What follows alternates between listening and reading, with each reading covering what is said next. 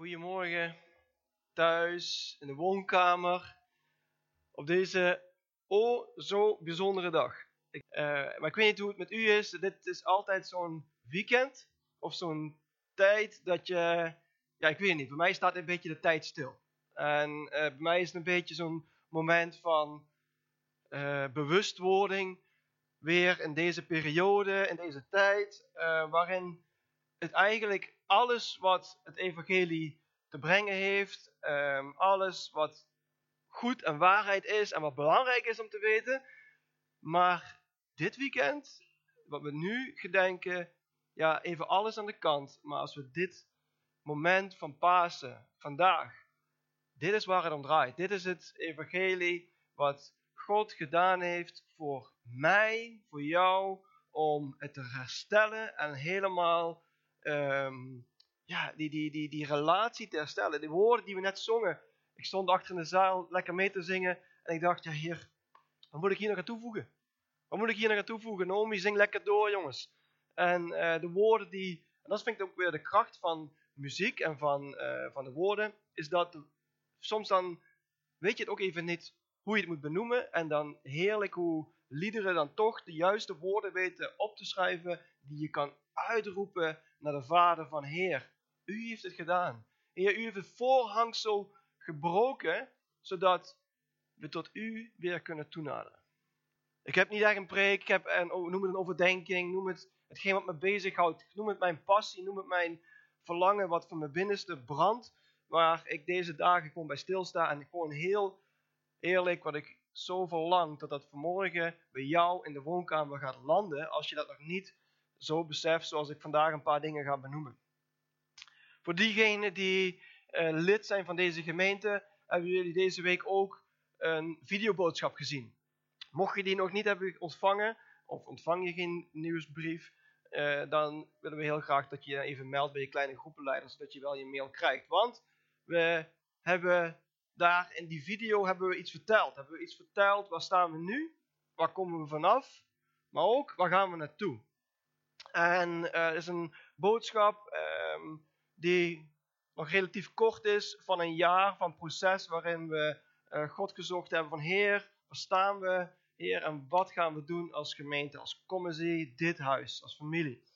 Um, dus ik wil je aanraden, mocht je nog niet gezien hebben, bekijk hem. En waarom? Omdat vandaag we starten met een jaarthema. Vandaag starten we met een thema die God op ons pad heeft gelegd om daar gewoon tijd voor te nemen. En niet tijd voor één weekend met een conferentie en een paar diensten. Nee, we mogen de tijd nemen voor dit thema. Het thema wat we dit jaar aangaan van Pasen 2021 tot Pasen 2022 zal zijn herstel. En het is niet een thema wat mooi klinkt of wat uh, voor ons, uh, um, ja, ons, ons gevoel beschrijft of noem het maar op. Nee, we ervaren echt letterlijk dat God dit thema uh, ons gegeven heeft om neer te leggen dit jaar voor dit huis, voor Kom en Zie. Herstel van jouw persoonlijk leven, herstel van de relatie van de vader naar jou als zoon en dochter. Vul het maar in. Herstel van gezondheid. Noem het maar op, noem je eigen situatie maar op. En ik wil hem ook niet te veel invullen, want wij verwachten het van hem wat hij gaat doen in jouw leven. Dus, vandaag is een kick-off van dit jaarthema. Herstel. En vandaag, en wat ik zo ontzettend mooi vind, is dat Pasen tot Pasen, dat beschrijft eigenlijk het woord herstel van top tot teen. Want vandaag gedenken we dat hij het hersteld heeft. Dat hij het hersteld heeft, de relatie die wij mogen aangaan met hem. Het is niet een of andere wollige religie die we hebben. Het is niet iets wat we leuk vinden om zondag nette kleren aan te trekken en hierheen te komen. Nee, dat kan me, moet ik zeggen zo, kan ook gestolen worden. Zo is het niet. Nee, het is waarheid. Het is leven. Het is realiteit. Het is niet een stoffig boek wat hier ligt. Nee, wat hierin beschreven staat, dat is waarheid. En de woorden, als je die leest en tot leven komen door de Heilige Geest, man, ik weet niet hoe het met u zit, maar ik heb kippenvel dan over mijn lijf. Want iedere keer weer ontdek ik nieuwe waarheid van Hem, wie Hij echt is. En dat verlangen we voor iedereen. Dat we die ontdekkingstocht met z'n allen mogen aangaan. En dat, vanmorgen werd ik, werd ik wakker. Ik was, uh, volgens mij was ik om, lag ik om vijf uur wakker, want Eli, uh, onze kleinste, die, die, die, die was wakker en ik kwam niet zo goed in slaap. Maar ik hoorde wel al eigenlijk om vijf uur de vogeltjes buiten fluiten. En ik was zo aan het mijmeren en bidden en, en denken van, oh heer, het is Pasen. En soms vind ik het ook wel zo, zo cliché. En dan zeggen we, hij is waarlijk opge opgestaan. En die dingen die zeggen we. No judgment, geen veroordeling, dat is klopt. Maar soms dan haalde bij mij, af en toe haalde het de, kracht weg van die dag. Maar vanmorgen werd ik wakker en toen dacht ik, wow. En ik zag zo die dames naar het graf gaan. Maria, die naar het graf ging in de ochtend om naar te gaan kijken, naar naartoe te gaan. S'morgens vroeg. En ik hoorde de vogeltjes fluiten en ik kon dat zo voor me zien. En ik dacht, wow, dan komen die dames daar en bij dat graf en het graf is leeg. En eigenlijk het eerste wat ik gelijk moest denken is denk van, drie dagen? Is het al drie dagen? Het was toch vrijdag? Het zijn er nog maar twee? Uh, uh, uh. En ik, nee, oké, ja klopt, dit is de derde dag. En hij zei, na drie dagen zal ik weer opstaan. Na drie dagen, ik zal deze tempel in drie dagen opbouwen. En hoe mooi is het dat God niet ergens in de loop van de dag opstond. Nee, ook niet vanavond. Maar gewoon gelijk, zodra het die derde dag was, voor mijn gevoel. Hij laat er geen gras over groeien. De derde dag is aangebroken en ik ben opgestaan. En waarvoor? Voor jou. En het was niet iets wat ergens ging gebeuren. Zal het nog gebeuren vandaag? Nee, het was al gebeurd. Bam. Goed. Ik ben een beetje enthousiast, want van deze boodschap word ik gewoon enthousiast. En die intimiteit met hem, ja, dat is, dat is heerlijk. Dat je mag mijmeren over hem, dat je uh, met hem mag praten ieder moment van de dag, dat je in bed ligt, wakker wordt en de dag mag beginnen met hem. En of je dat doet als je in bed ligt, of je eigen moment op de dag hebt, uh, of tijdens de hond uitlaten, uh, dat is het midden. Maakt niet uit. Het is zijn verlangen dat hij dagelijks bij jou is. Dat hij met jou wandelt, met je meegaat. Dat is mooi. Dat is stille tijd. En de stille tijd is dat je geen andere dingen laat binnenkomen die je laat afleiden van wie hij is voor jou. Het is ook stille tijd is ook geen ritueel van oké, nu moet ik tjak, tjak, tjak, tjak, dit, dit, dit, dit. Is, hij verlangt naar intimiteit. En waarom leg ik daar de klemtoon zo op vandaag? Omdat het dat precies is waar het vandaag over gaat. Hij heeft iets hersteld. Het is volbracht. Het is volbracht. Lotte zei het net zo mooi en die woorden die raakten me wat zij zei. Want het, is, het kan soms zo overkomen. Het is volbracht.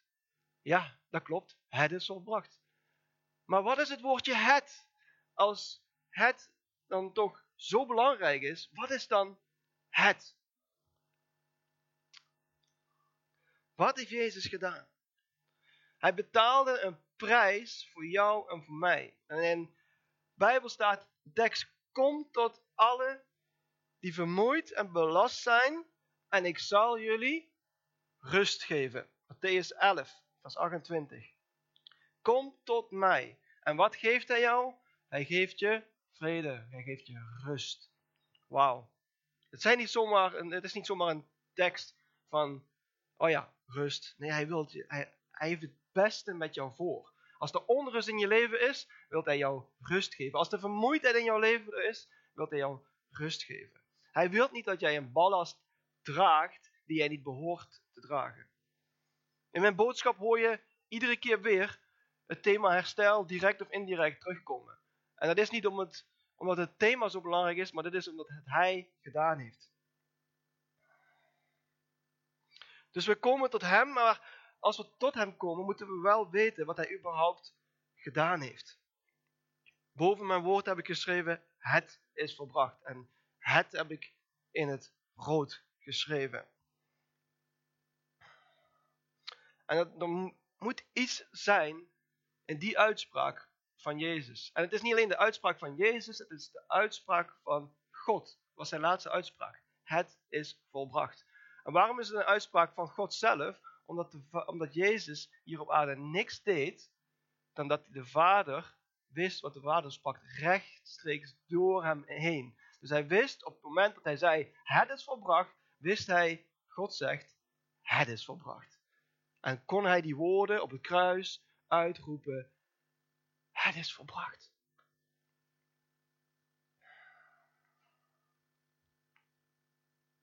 Stille tijd. God dienen of door of hem, door hem gediend te worden of hem eh, dienen zijn twee hele verschillende dingen. Ik was zo aan het nadenken over stille tijd en mijn stille tijd. En soms kunnen we tot hem komen met ons lijstje van Heer, ik heb dit nodig.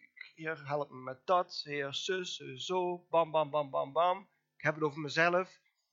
U doet dat niet. Maar dan kunnen we met een hele lijst komen.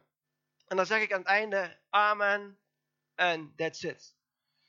Maar ik heb ontdekt in mijn persoonlijke stille tijd, in mijn intimiteit met hem, dat er een shifting was op het moment dat ik het één, en ik zeg niet dat het verkeerd is om naar hem toe te gaan met je verlangens en met je vragen. En dat is super, dat zegt hij. Kom ik dadelijk bij. Maar hij zegt ook van kom naar mij voor dankbaarheid. Om mij te danken, om intimiteit met mij te hebben. En ik merkte in mijn eigen leven een shifting op het moment dat ik even niet met mijn punten bij hem kwam. Maar dat ik zei, oké heer, hier ben ik. Heer, ik wil u leren kennen. Heer, u bent liefdevol. Dat ik hem ging grootmaken. Dat ik hem intimiteit met hem ging hebben. Intimiteit is ook zo'n raar woord. Het is niet het jakkie ding. Dus oké. Ehm, want ik zat ook wel eens hier in de kerk en dacht ik van, ja, wat is dat voor een raar woord, intimiteit? Nee, intimiteit is net als een man en een vrouw, die worden één. En dan niet hetgeen wat er gebeurt daar. Nee, eenheid is één van vlees. Eén van vlees, dat, dat de Jezus, die komt namelijk in jou. Jullie wordt één met de Vader en de Heilige Geest werkt door jou heen. Even platgeslagen. Soms is het niet, u bent er voor mij, maar Heer, hier ben ik voor u. Hij houdt van mij. En ik heb hem niet gevonden, maar hij heeft mij gevonden. En dat is één ook, ik noem gewoon wat dingen eigenlijk van mijn eigen leven die mij geraakt hebben. En ik hoop dat dat een getuigenis ook mag zijn voor jou als je hiermee worstelt. Een ontdekking van mezelf was dat ik dacht dat ik hem had gevonden.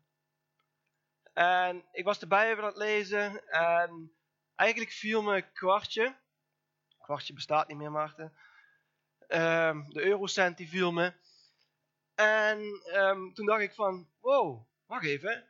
Ik dacht dat ik u had gevonden. Als je je hart aan de Heer geeft. En ik heb toen ik 15 was een radicale keuze gemaakt. En ik, wow, ik heb hem gevonden.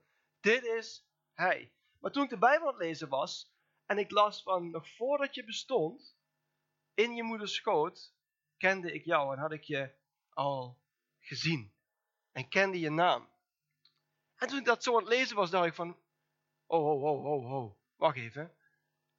U heeft mij gevonden, nog voordat ik een radicale keuze maak om u te volgen. En of je nu vanaf je geboorte al christen bent of een radicale keuze hebt gemaakt, dat maakt niet uit. Hij kende je al nog voordat je bestond. Dus hij wist je al. Hij kiest voor jou.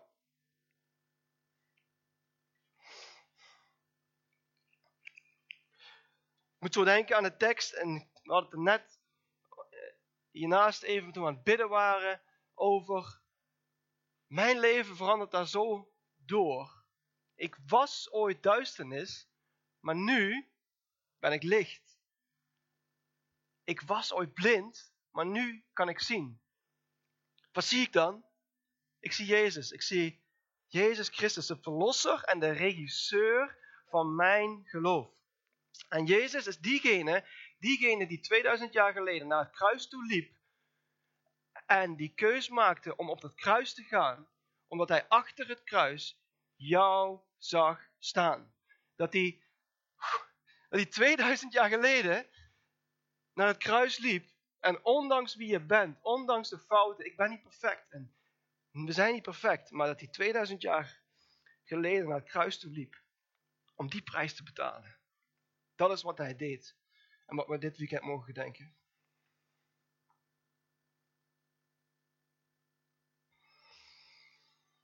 Ik weet niet wat het met u doet, met mij doet het veel. Dus. Want dit is waar wij voor staan. Dit is wat wij geloven. Dit is wat hij over heeft voor jou. En dat is niet zomaar iets, jongens.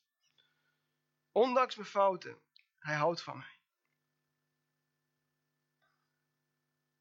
Hij riep het uit naar de vader en hij zei: Papa, die persoon, die wil ik. Waar je ook nu zit, in je woonkamer, aan de keukentafel, maar jou wil ik. Ik kies ervoor om aan het kruis te gaan, ondanks dat ik het moeilijk vind. Heer, laat alsjeblieft die beker aan mij voorbij gaan. Maar toen hij achter het kruis jou zag staan, dacht hij, ik doe het voor jou.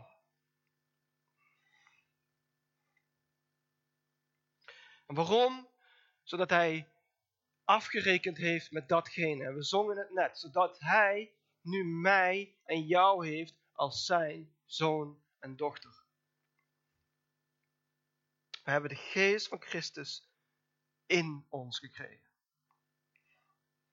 En als hij in jou komt, dan gooit hij alles eruit wat er niet thuis hoort. Hij gooit er alles uit.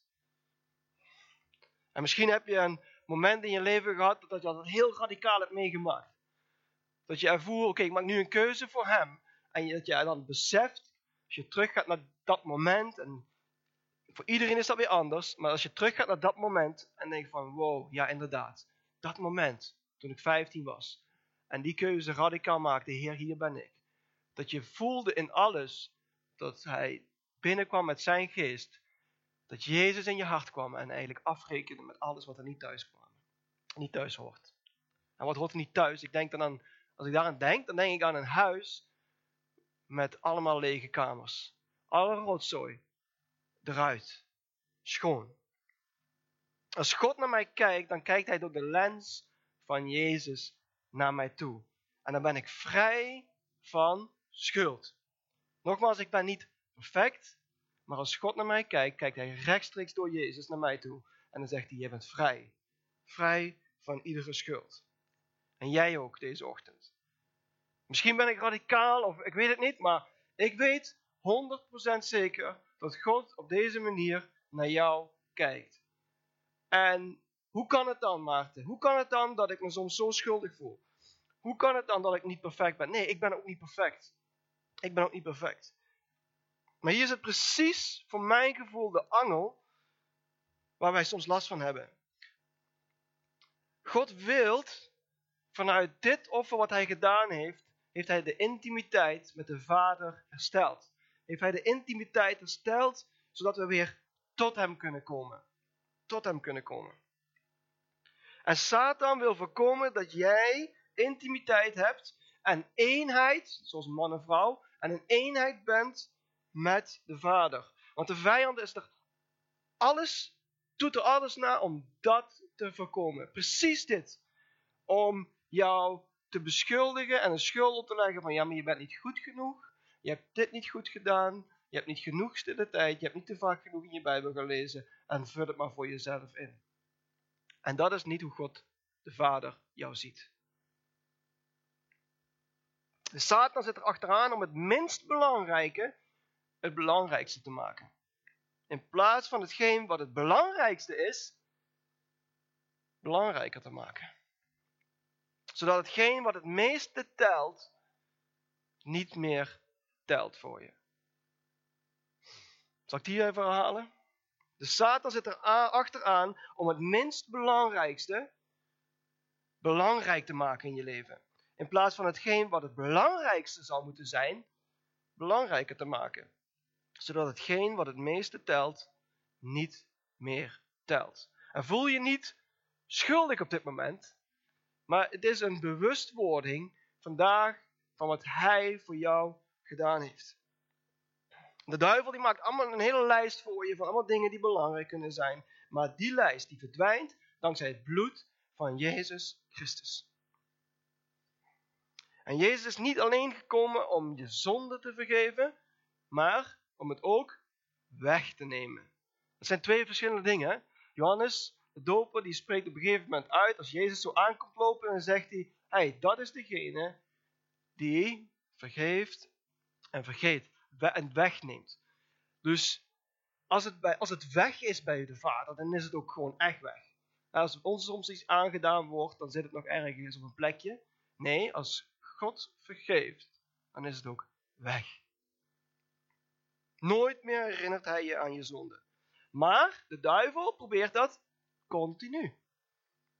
Hij probeert je continu te herinneren aan de fouten, de zonden die je begaat.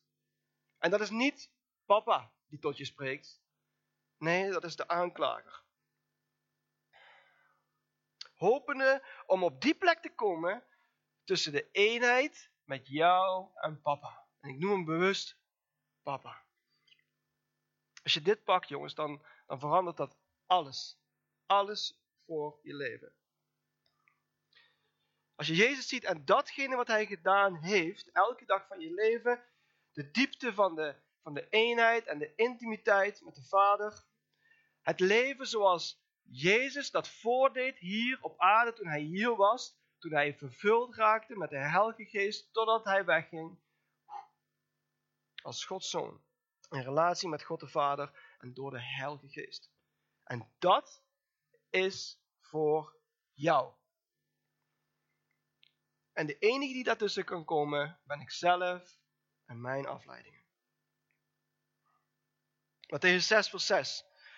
Maar als jullie bidden, trek je dan in je huis terug, sluit de deur en bid tot je vader, die in het verborgene is.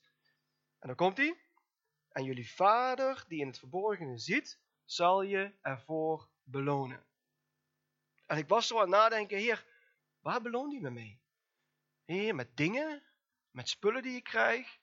En ja, ik, ik, kon niet invullen voor mezelf. En ik was daar al voor bidden en ik, heer, Laat me alsjeblieft zien. Wat, wat, zijn die, wat is die beloning? Dat klinkt zo mooi, hè? je krijgt er iets voor.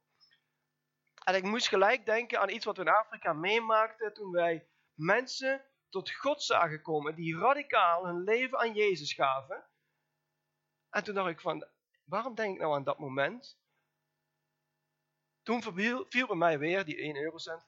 Toen dacht ik van, wow, het zit hem niet in materiaal of in wat dan ook, wat ik zou kunnen krijgen, waar hij je zeker wilt geven en wat hij als een lieve papa je mee wil zegenen.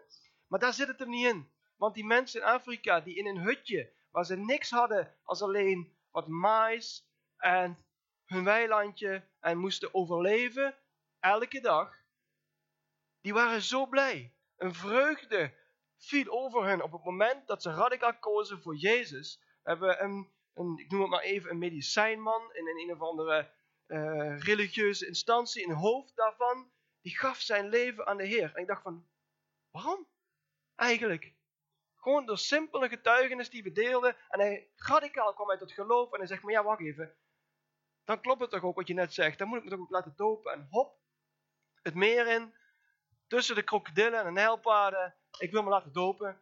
En je zag die man compleet in zijn ogen. Je zag hem veranderen. En dat moment moest ik toen aan denken.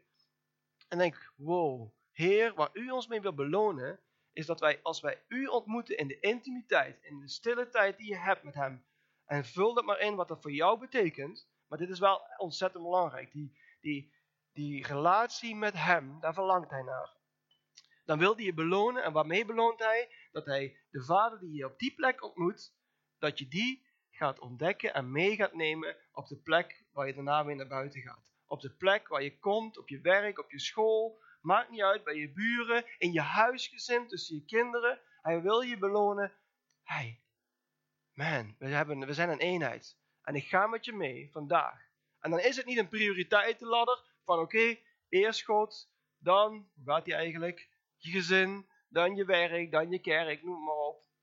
Die heb ik aan de kant van mezelf gegooid. Ik denk nee, want dit maakt een onderscheid in wat God eigenlijk wil doen. Want het is niet eerst God, dan je gezin, dan je werk en de kerk, noem maar op.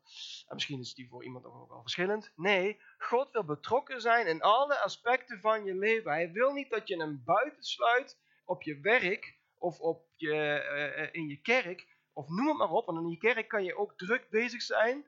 Nee, hij wil in relatie met jou en hij wil dat jij hem overal in betrekt en meeneemt en zegt van, oké heer, hey papa, man, dit is een lastige situatie.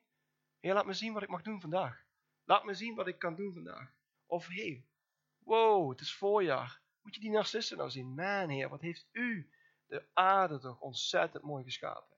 Dat je met alles mag betrekken. Heer, ik wandel nu eh, door de Brunsum Hei heen. Heer, wauw. Heer, maar tegelijkertijd, Heer, bidden een zegen over deze stad, Heer. Heer, en ik geloof dat u deze stad, Heer, ondersteboven kan zetten van uw waarheid, van uw liefde. En tot de mensen, Heer, gaan zien wie u bent. Dat is relatie met God. Hem betrekken in alles.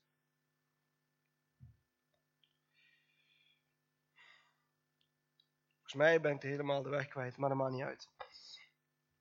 Ik ben de weg niet kwijt. Ik zit er precies op. Als God Heer wordt, koning wordt over jouw leven en niet alleen je redder, dan verandert alles. De koning is namelijk in jou gekomen. Dat vieren we nu. Om te heersen vanuit jou. En het is vanuit intimiteit met de Vader dat wij de werken van de duivel mogen vernietigen. Klinkt radicaal, maar zo is het. Het is vanuit intimiteit met papa dat wij het terrein van de duivel kleiner en kleiner en kleiner mogen maken. Ik geloof daarin. Ik weet niet hoe het met u zit, maar ik, ik, ik, geloof niet in de leugen dat wij niet de mogelijkheid hebben om de terrein van de duivel kleiner en kleiner en kleiner te maken. En ik geef eerlijk toe, soms denk ik ook, heb ik momenten in mijn leven gehad dat ik denk, wat heeft het voor zin? Want ik zie alleen maar ellende en het werkt niet, ik zie niks gebeuren, maar die leugen die niet van God is, en het is geen waarheid, ik kijk naar de Bijbel, de Heilige Geest zegt tegen mij, het licht wat in mij is, wil schijnen in de wereld. En dan verdwijnt de duisternis. Hij zegt letterlijk, laat de koninkrijk van, aarde, van, van de hemel is, ook op aarde komen. En hoe doet hij dat? Door jou heen. Door jou heen. Nou maakt niet uit waar je bent, op welke plek. Maar dat is zijn verlangen. Als ik zo aan het lezen ben en in deze periode en ik, en ik kijk naar het offer wat Jezus betaalde, dan zitten er wat mooie uh, vergelijkingen in. Ik wil er bij eentje stilstaan. En dat is in Matthäus 23, vers 25. En daar spreekt Jezus super radicaal, spreekt hij de fariseeërs en de schriftgeleerden aan. En hij is hard op dit, die plek. Vers 25. Wee jullie, schriftgeleerden en fariseeërs, huigelaars. De buitenkant van bekers en schalen spoelen jullie af. Maar de binnenkant van de bekers blijft vol roofzucht en onmatigheid. Blinde fariseer, spoel eerst de binnenkant van de beker om dan wordt de buitenkant vanzelf toch ook schoon. En vers 27, wee jullie schriftgeleerden en fariseërs, huigelaars. Jullie lijken wel op wit gepleisterde graven, die er van buiten misschien wel mooi uitzien, maar vol liggen met doodsbeenderen en andere onreinheden. Zo lijken, jullie, zo lijken ook jullie voor de mensen uiterlijk wel rechtvaardig, terwijl innerlijk vol huichelarij en wetsverachting zijn. En dan vraag je je nog af waarom de fariseërs en de schriftgeleerden Jezus wilden kruisigen. Hier sloeg Jezus toch wel de spijker op de kop. En ik denk dat er heel wat fariseërs en schriftgeleerden begonnen te koken. En ze begrepen eigenlijk helemaal niet wat Jezus hier zei. Want hij zegt, jullie kunnen misschien wel de buitenkant schoonmaken van de beker, maar niet de binnenkant. Jezus zei, jullie denken wel dat jullie goed zijn, maar jullie binnenste is gewoon smerig. Ze hadden geen idee hoe ze de binnenkant moesten schoonmaken. Maar sterker nog, zelfs de discipelen hadden geen idee hoe de binnenkant schoongemaakt kon worden. En de enige manier waar Jezus over sprak, was over een dood die er nog aankwam. Hebreeën 9 namelijk, daar gaat het over de tempel, bloed van de geit en de koeien in het heilige de heilige. Maar het was niet, er staat, het was niet mogelijk, ik zal hem even erbij pakken, dat is uh, Hebreeën 9. Dit alles is een zinnebeeld van de huidige tijd en worden door gaven en offers gebracht die het geweten van degene die ze opdragen niet tot volmaakte zuiverheid kunnen brengen. Hoeveel te meer, vers 14, hoeveel te meer zal dan niet het bloed van Christus, die dankzij de eeuwige geest zichzelf heeft kunnen opdragen als offer zonder smet, ons geweten reinigen van de daden die tot dood leiden en het heilige voor de dienst aan de levende God. Hij praat over iets wat nog komt. Ik ga misschien snel, maar ik ben wel to the point. Want dit maakt mij enthousiast wat we dit weekend vieren. Jezus is het woord namelijk. En hij zegt tegen de fariseërs dat ze denken om door het woord te bestuderen dat ze gered werden. Maar dat klopt niet. Hij zegt, Johannes, maar deze woorden vertellen namelijk over mij, fariseërs, en jullie willen mij niet. En het woord stond letterlijk voor hen. En als Jezus niet in je komt, maar alleen de woorden, dan is er geen eeuwig leven. Je kan het woord niet alleen bestuderen, je moet de God kennen die het woord geschreven heeft. Dat de Heilige Geest je leraar is en je gids in alle waarheid. Jezus komt de tempel binnen en hij ziet van allerlei dingen die er niet thuis horen. Je kent het verhaal, hè? En hij maakt een zweep en hij gooit alles overhoop. En op een gegeven moment dan bespotten ze hem en schelden ze hem uit voor wat hij daar doet. We kennen het verhaal, maar dan zegt hij: Mijn huis moet een huis van gebed zijn, maar jullie maken er een rovershol van. Dit staat er in vers 13. En wat zei, de, zei Jezus tegen de fariseërs net, wat ik net zei, over het schoonmaken van de binnenkant van de beker? Daar stond, de binnenkant blijft voor roofzucht en onmatigheid. Zie je de vergelijking? Mijn huis moet een huis van gebed zijn, maar jullie maken er een rovershol van. En dan zegt hij, ik zal de tempel afbreken en in drie dagen weer opbouwen. En de fariseërs zeggen, drie dagen? We hebben 46 jaar nodig gehad om deze tempel te bouwen en jij denkt hem in drie dagen op te bouwen? Maar hij refereerde naar hemzelf als de tempel. En diezelfde Jezus komt in jou als jij je hart aan hem geeft. Zijn geest wil precies hetzelfde doen in jou wat hij deed toen hij in de tempel kwam. Doet hij hetzelfde in jou. Hij wil alle tafels omgooien in jou die er niet thuis horen. De leugens, de dwalingen, de pijn. Hetgeen wat geroofd is, wil hij weghalen. Vul je eigen situatie maar in. Wat er niet thuis hoort. Zodat jij een huis van gebed kan zijn voor hem. Amen. Volg je me nog? 1 Korinthe 3 vers 6 staat geschreven, je bent namelijk een tempel voor de Heilige Geest. Dit is niet iets wat ik verzin, dit is iets wat hier staat en wat waarheid is. God moet je vader worden. En Matthäus 23 vers 9, 23 vers 9, daar staat ook zo'n rare tekst die ik soms niet begreep. Wat staat daar? Noem niemand op aarde je vader. Want jullie hebben maar één vader.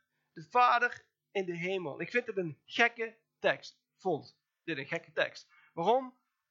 Hoe kan je nou je eigen vader, mijn eigen papa hier op aarde eigenlijk een beetje verlogen en zeggen: Oké, ik mag je geen vader noemen. Toedeloe. Dat doe je toch niet? Ik zou niet willen dat Nick en Lea en Eli dat naar mij toe zouden doen. Maar dit is wel wat God zegt. Maar waarom zegt hij dat? Omdat je aardse vader, hoe goed hij het ook bedoelt, niet die plek kan innemen zoals God in de hemel is. Want hoe papa in de hemel is, is de volmaakte papa. En ik, naar mijn kinderen, ik maak fouten. Ik doe het niet perfect en ik kan de Bijbel ernaast houden. Ik doe mijn best. We hebben mooie boeken over hoe je je kinderen opvoedt. Maar iedere keer weer, ik maak fouten. En dat is oké. Maar voor Nick en Lea en Eli is het wel ontzettend belangrijk dat zij gaan zien dat ik, ik mag een stereotype en een voorbeeld zijn van de papa in de hemel. Dat is mijn uitdaging persoonlijk. Maar de papa in de hemel, dat is de volmaakte vader. En dat is niet wie ik ben hier op aarde. En dit is wat hij bedoelt, hier in deze tekst. Om opnieuw geboren te zijn betekent opnieuw gevaderd worden vanuit boven. Veel mensen denken dat ze een fout zijn of dat ze misschien helemaal niet gewild zijn hier op aarde. Daarom moet je opnieuw geboren worden, om opnieuw gevaderd te worden.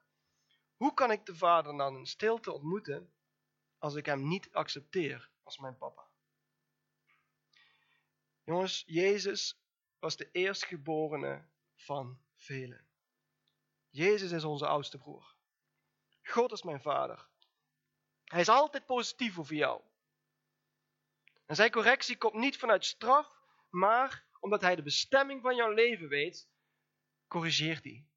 Niet vanuit veroordeling en zeggen, stom bezig, klap erop. Nee, hij is met jou en hij corrigeert je op een liefdevolle manier, omdat hij weet het verschil tussen het begin en het eind. Hij weet waar je heen gaat en waar hij je wilt hebben.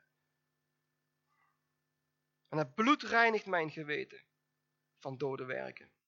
En als hij je vader wordt, verandert alles. En het maakt niet uit wie je vader of moeder was. ik denk dat dit een probleem is in de kerk, gewoon de algemene kerk, christen zijn. Is dat we soms met de bril kijken van onze voorbeelden van onze aardse ouders. En hoe goed, en dit is geen veroordeling naar niemand niet. Iedereen doet zijn best. En er zijn altijd omstandigheden. Maar hoeveel mensen hebben wel niet problemen met hun ouders? Hoeveel mensen denken wel niet dat ze bijvoorbeeld niet gewild zijn? Ik ga je niet verder op in. Maar alle ouders doen hun best. Maar hier hangt zoveel vanaf van hoe wij naar God kijken. We worden allemaal gevormd door het leven. als we dit boek lezen en kiezen voor Hem, dan mogen we tot Hem komen en Hem vragen om ons te leren om niet te leven als wezen, maar als zonen en dochters van de Allerhoogste. We zijn geen weeskinderen, jongens. Hij heeft ervoor gezorgd dat we zonen en dochters, hij heeft ons geadopteerd, hij heeft, ons, hij heeft, hij heeft de prijs betaald.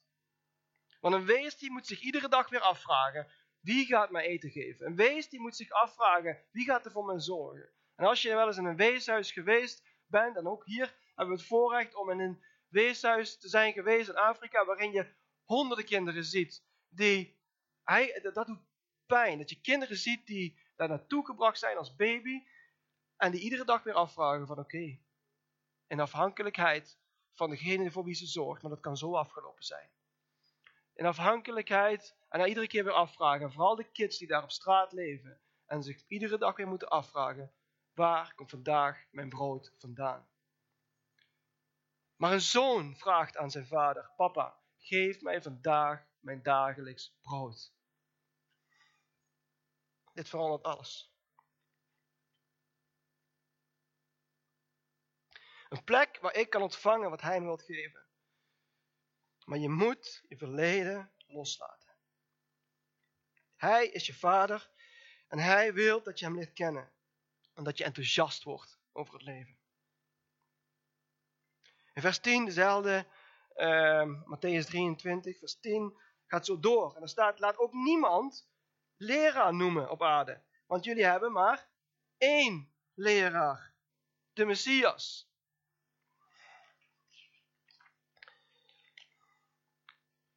Nog zo'n tekst staat namelijk ook in 1 Johannes 2 vers 27. Want u zelf betreft, de zalving die u van hem ontvangen hebt, is blijvend. Je bent gezalfd.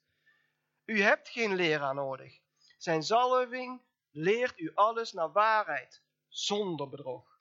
Blijf daarom in hem, zoals zijn zalving u geleerd heeft.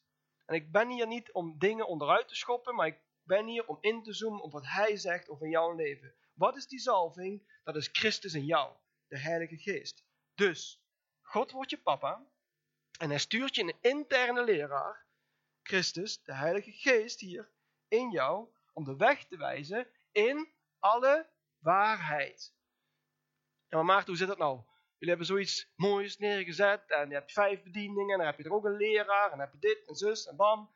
En je hebt toch leraar? Ja, klopt. Klopt, en die hebben we ook nodig. En daar spreekt God doorheen. Maar een leraar kan je een dwaalleraar aanleren.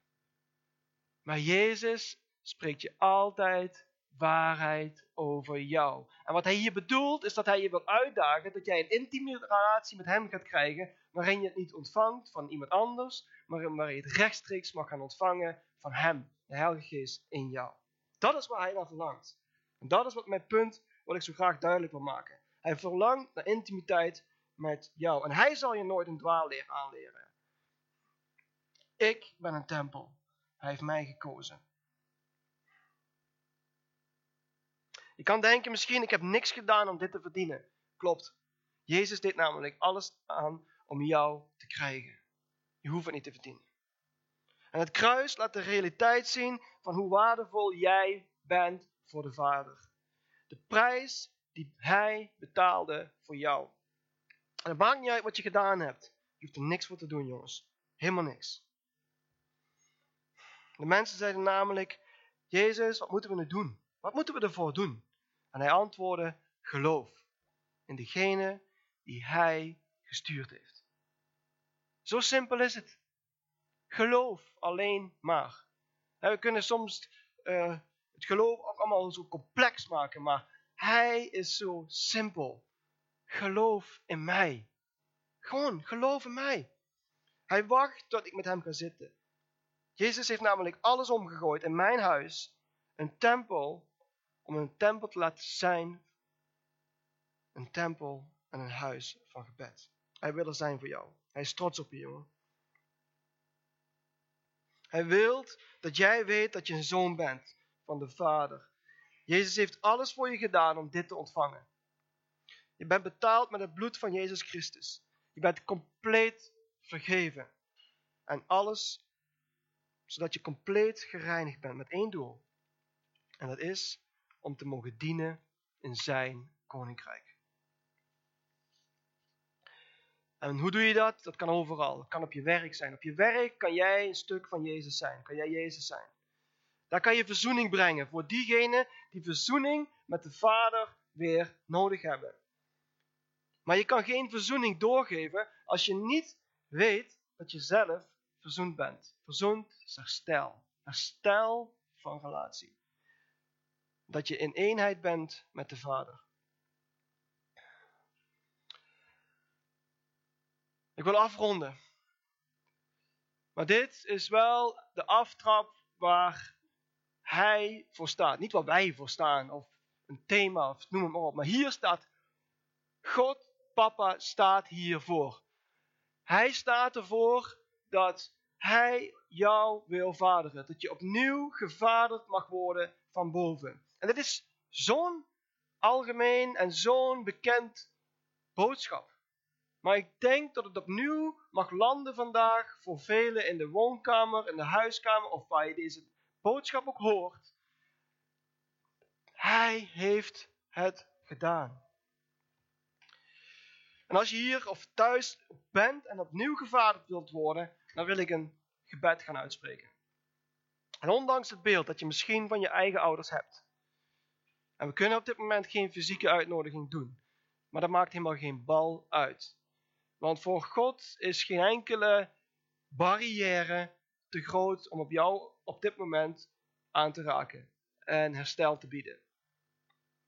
En ik wil ieder moment gebruik maken dat we dit jaar gaan staan bij het thema herstel. En op dit moment wil ik bidden voor dat je opnieuw gevaderd mag worden vanuit boven. En tot de gedachten van, of de, de, de ideeën van een papa of een mama, wat je hebt, of dat je misschien denkt, ik ben helemaal niet gewild. Ik ben, misschien kom je wel door een verkrachting op leven, maar hij geeft leven. Al het leven is in hem, nog voordat je bestond. Dus dat betekent dat je geliefd bent. Dat betekent dat je een doel hebt. Want nog voordat je bestond, in die moeders schoot, kende hij jou. En ik weet niet waarom ik dit nu zeg, maar dat betekent dus dat als je misschien denkt, ik ben ongewild op aarde gekomen, dat maakt niet uit. Ook al heeft je moeder je niet gewild. Maar papa zag jou nog voordat je op de aarde kwam. Wist hij dat je ging komen. En hij had je lief. Hij kende je naam. Dus dat betekent dat hij ook een bestemming met je leven heeft. En dit is radicaal en misschien heel moeilijk te pakken op dit moment. En dan moet je het niet hebben van mijn woorden, maar van zijn Heilige Geest, die op dit moment dit als waarheid wil laten gelden over jouw leven. En het start bij jou om in die realiteit te gaan leven dat Hij jouw papa is. En dat je een zoon bent en geen wees. En dat je gewild bent en betaald met het allerhoogste bloed. Dus het is volbracht. Wat is dan het woordje het? Dat je niet langer een wees bent, maar dat je een zoon en een dochter bent van de Allerhoogste. En daar heeft Hij vandaag, meer dan 2000 jaar geleden, voor betaald. Voor jou. Laten we bidden. En als je plek waar je op dit moment bent en je merkt, wow, hier moet ik iets mee, dit raakt mij, of ik heb iets gezegd wat jou geraakt heeft. En toets je eigen hart op dit moment.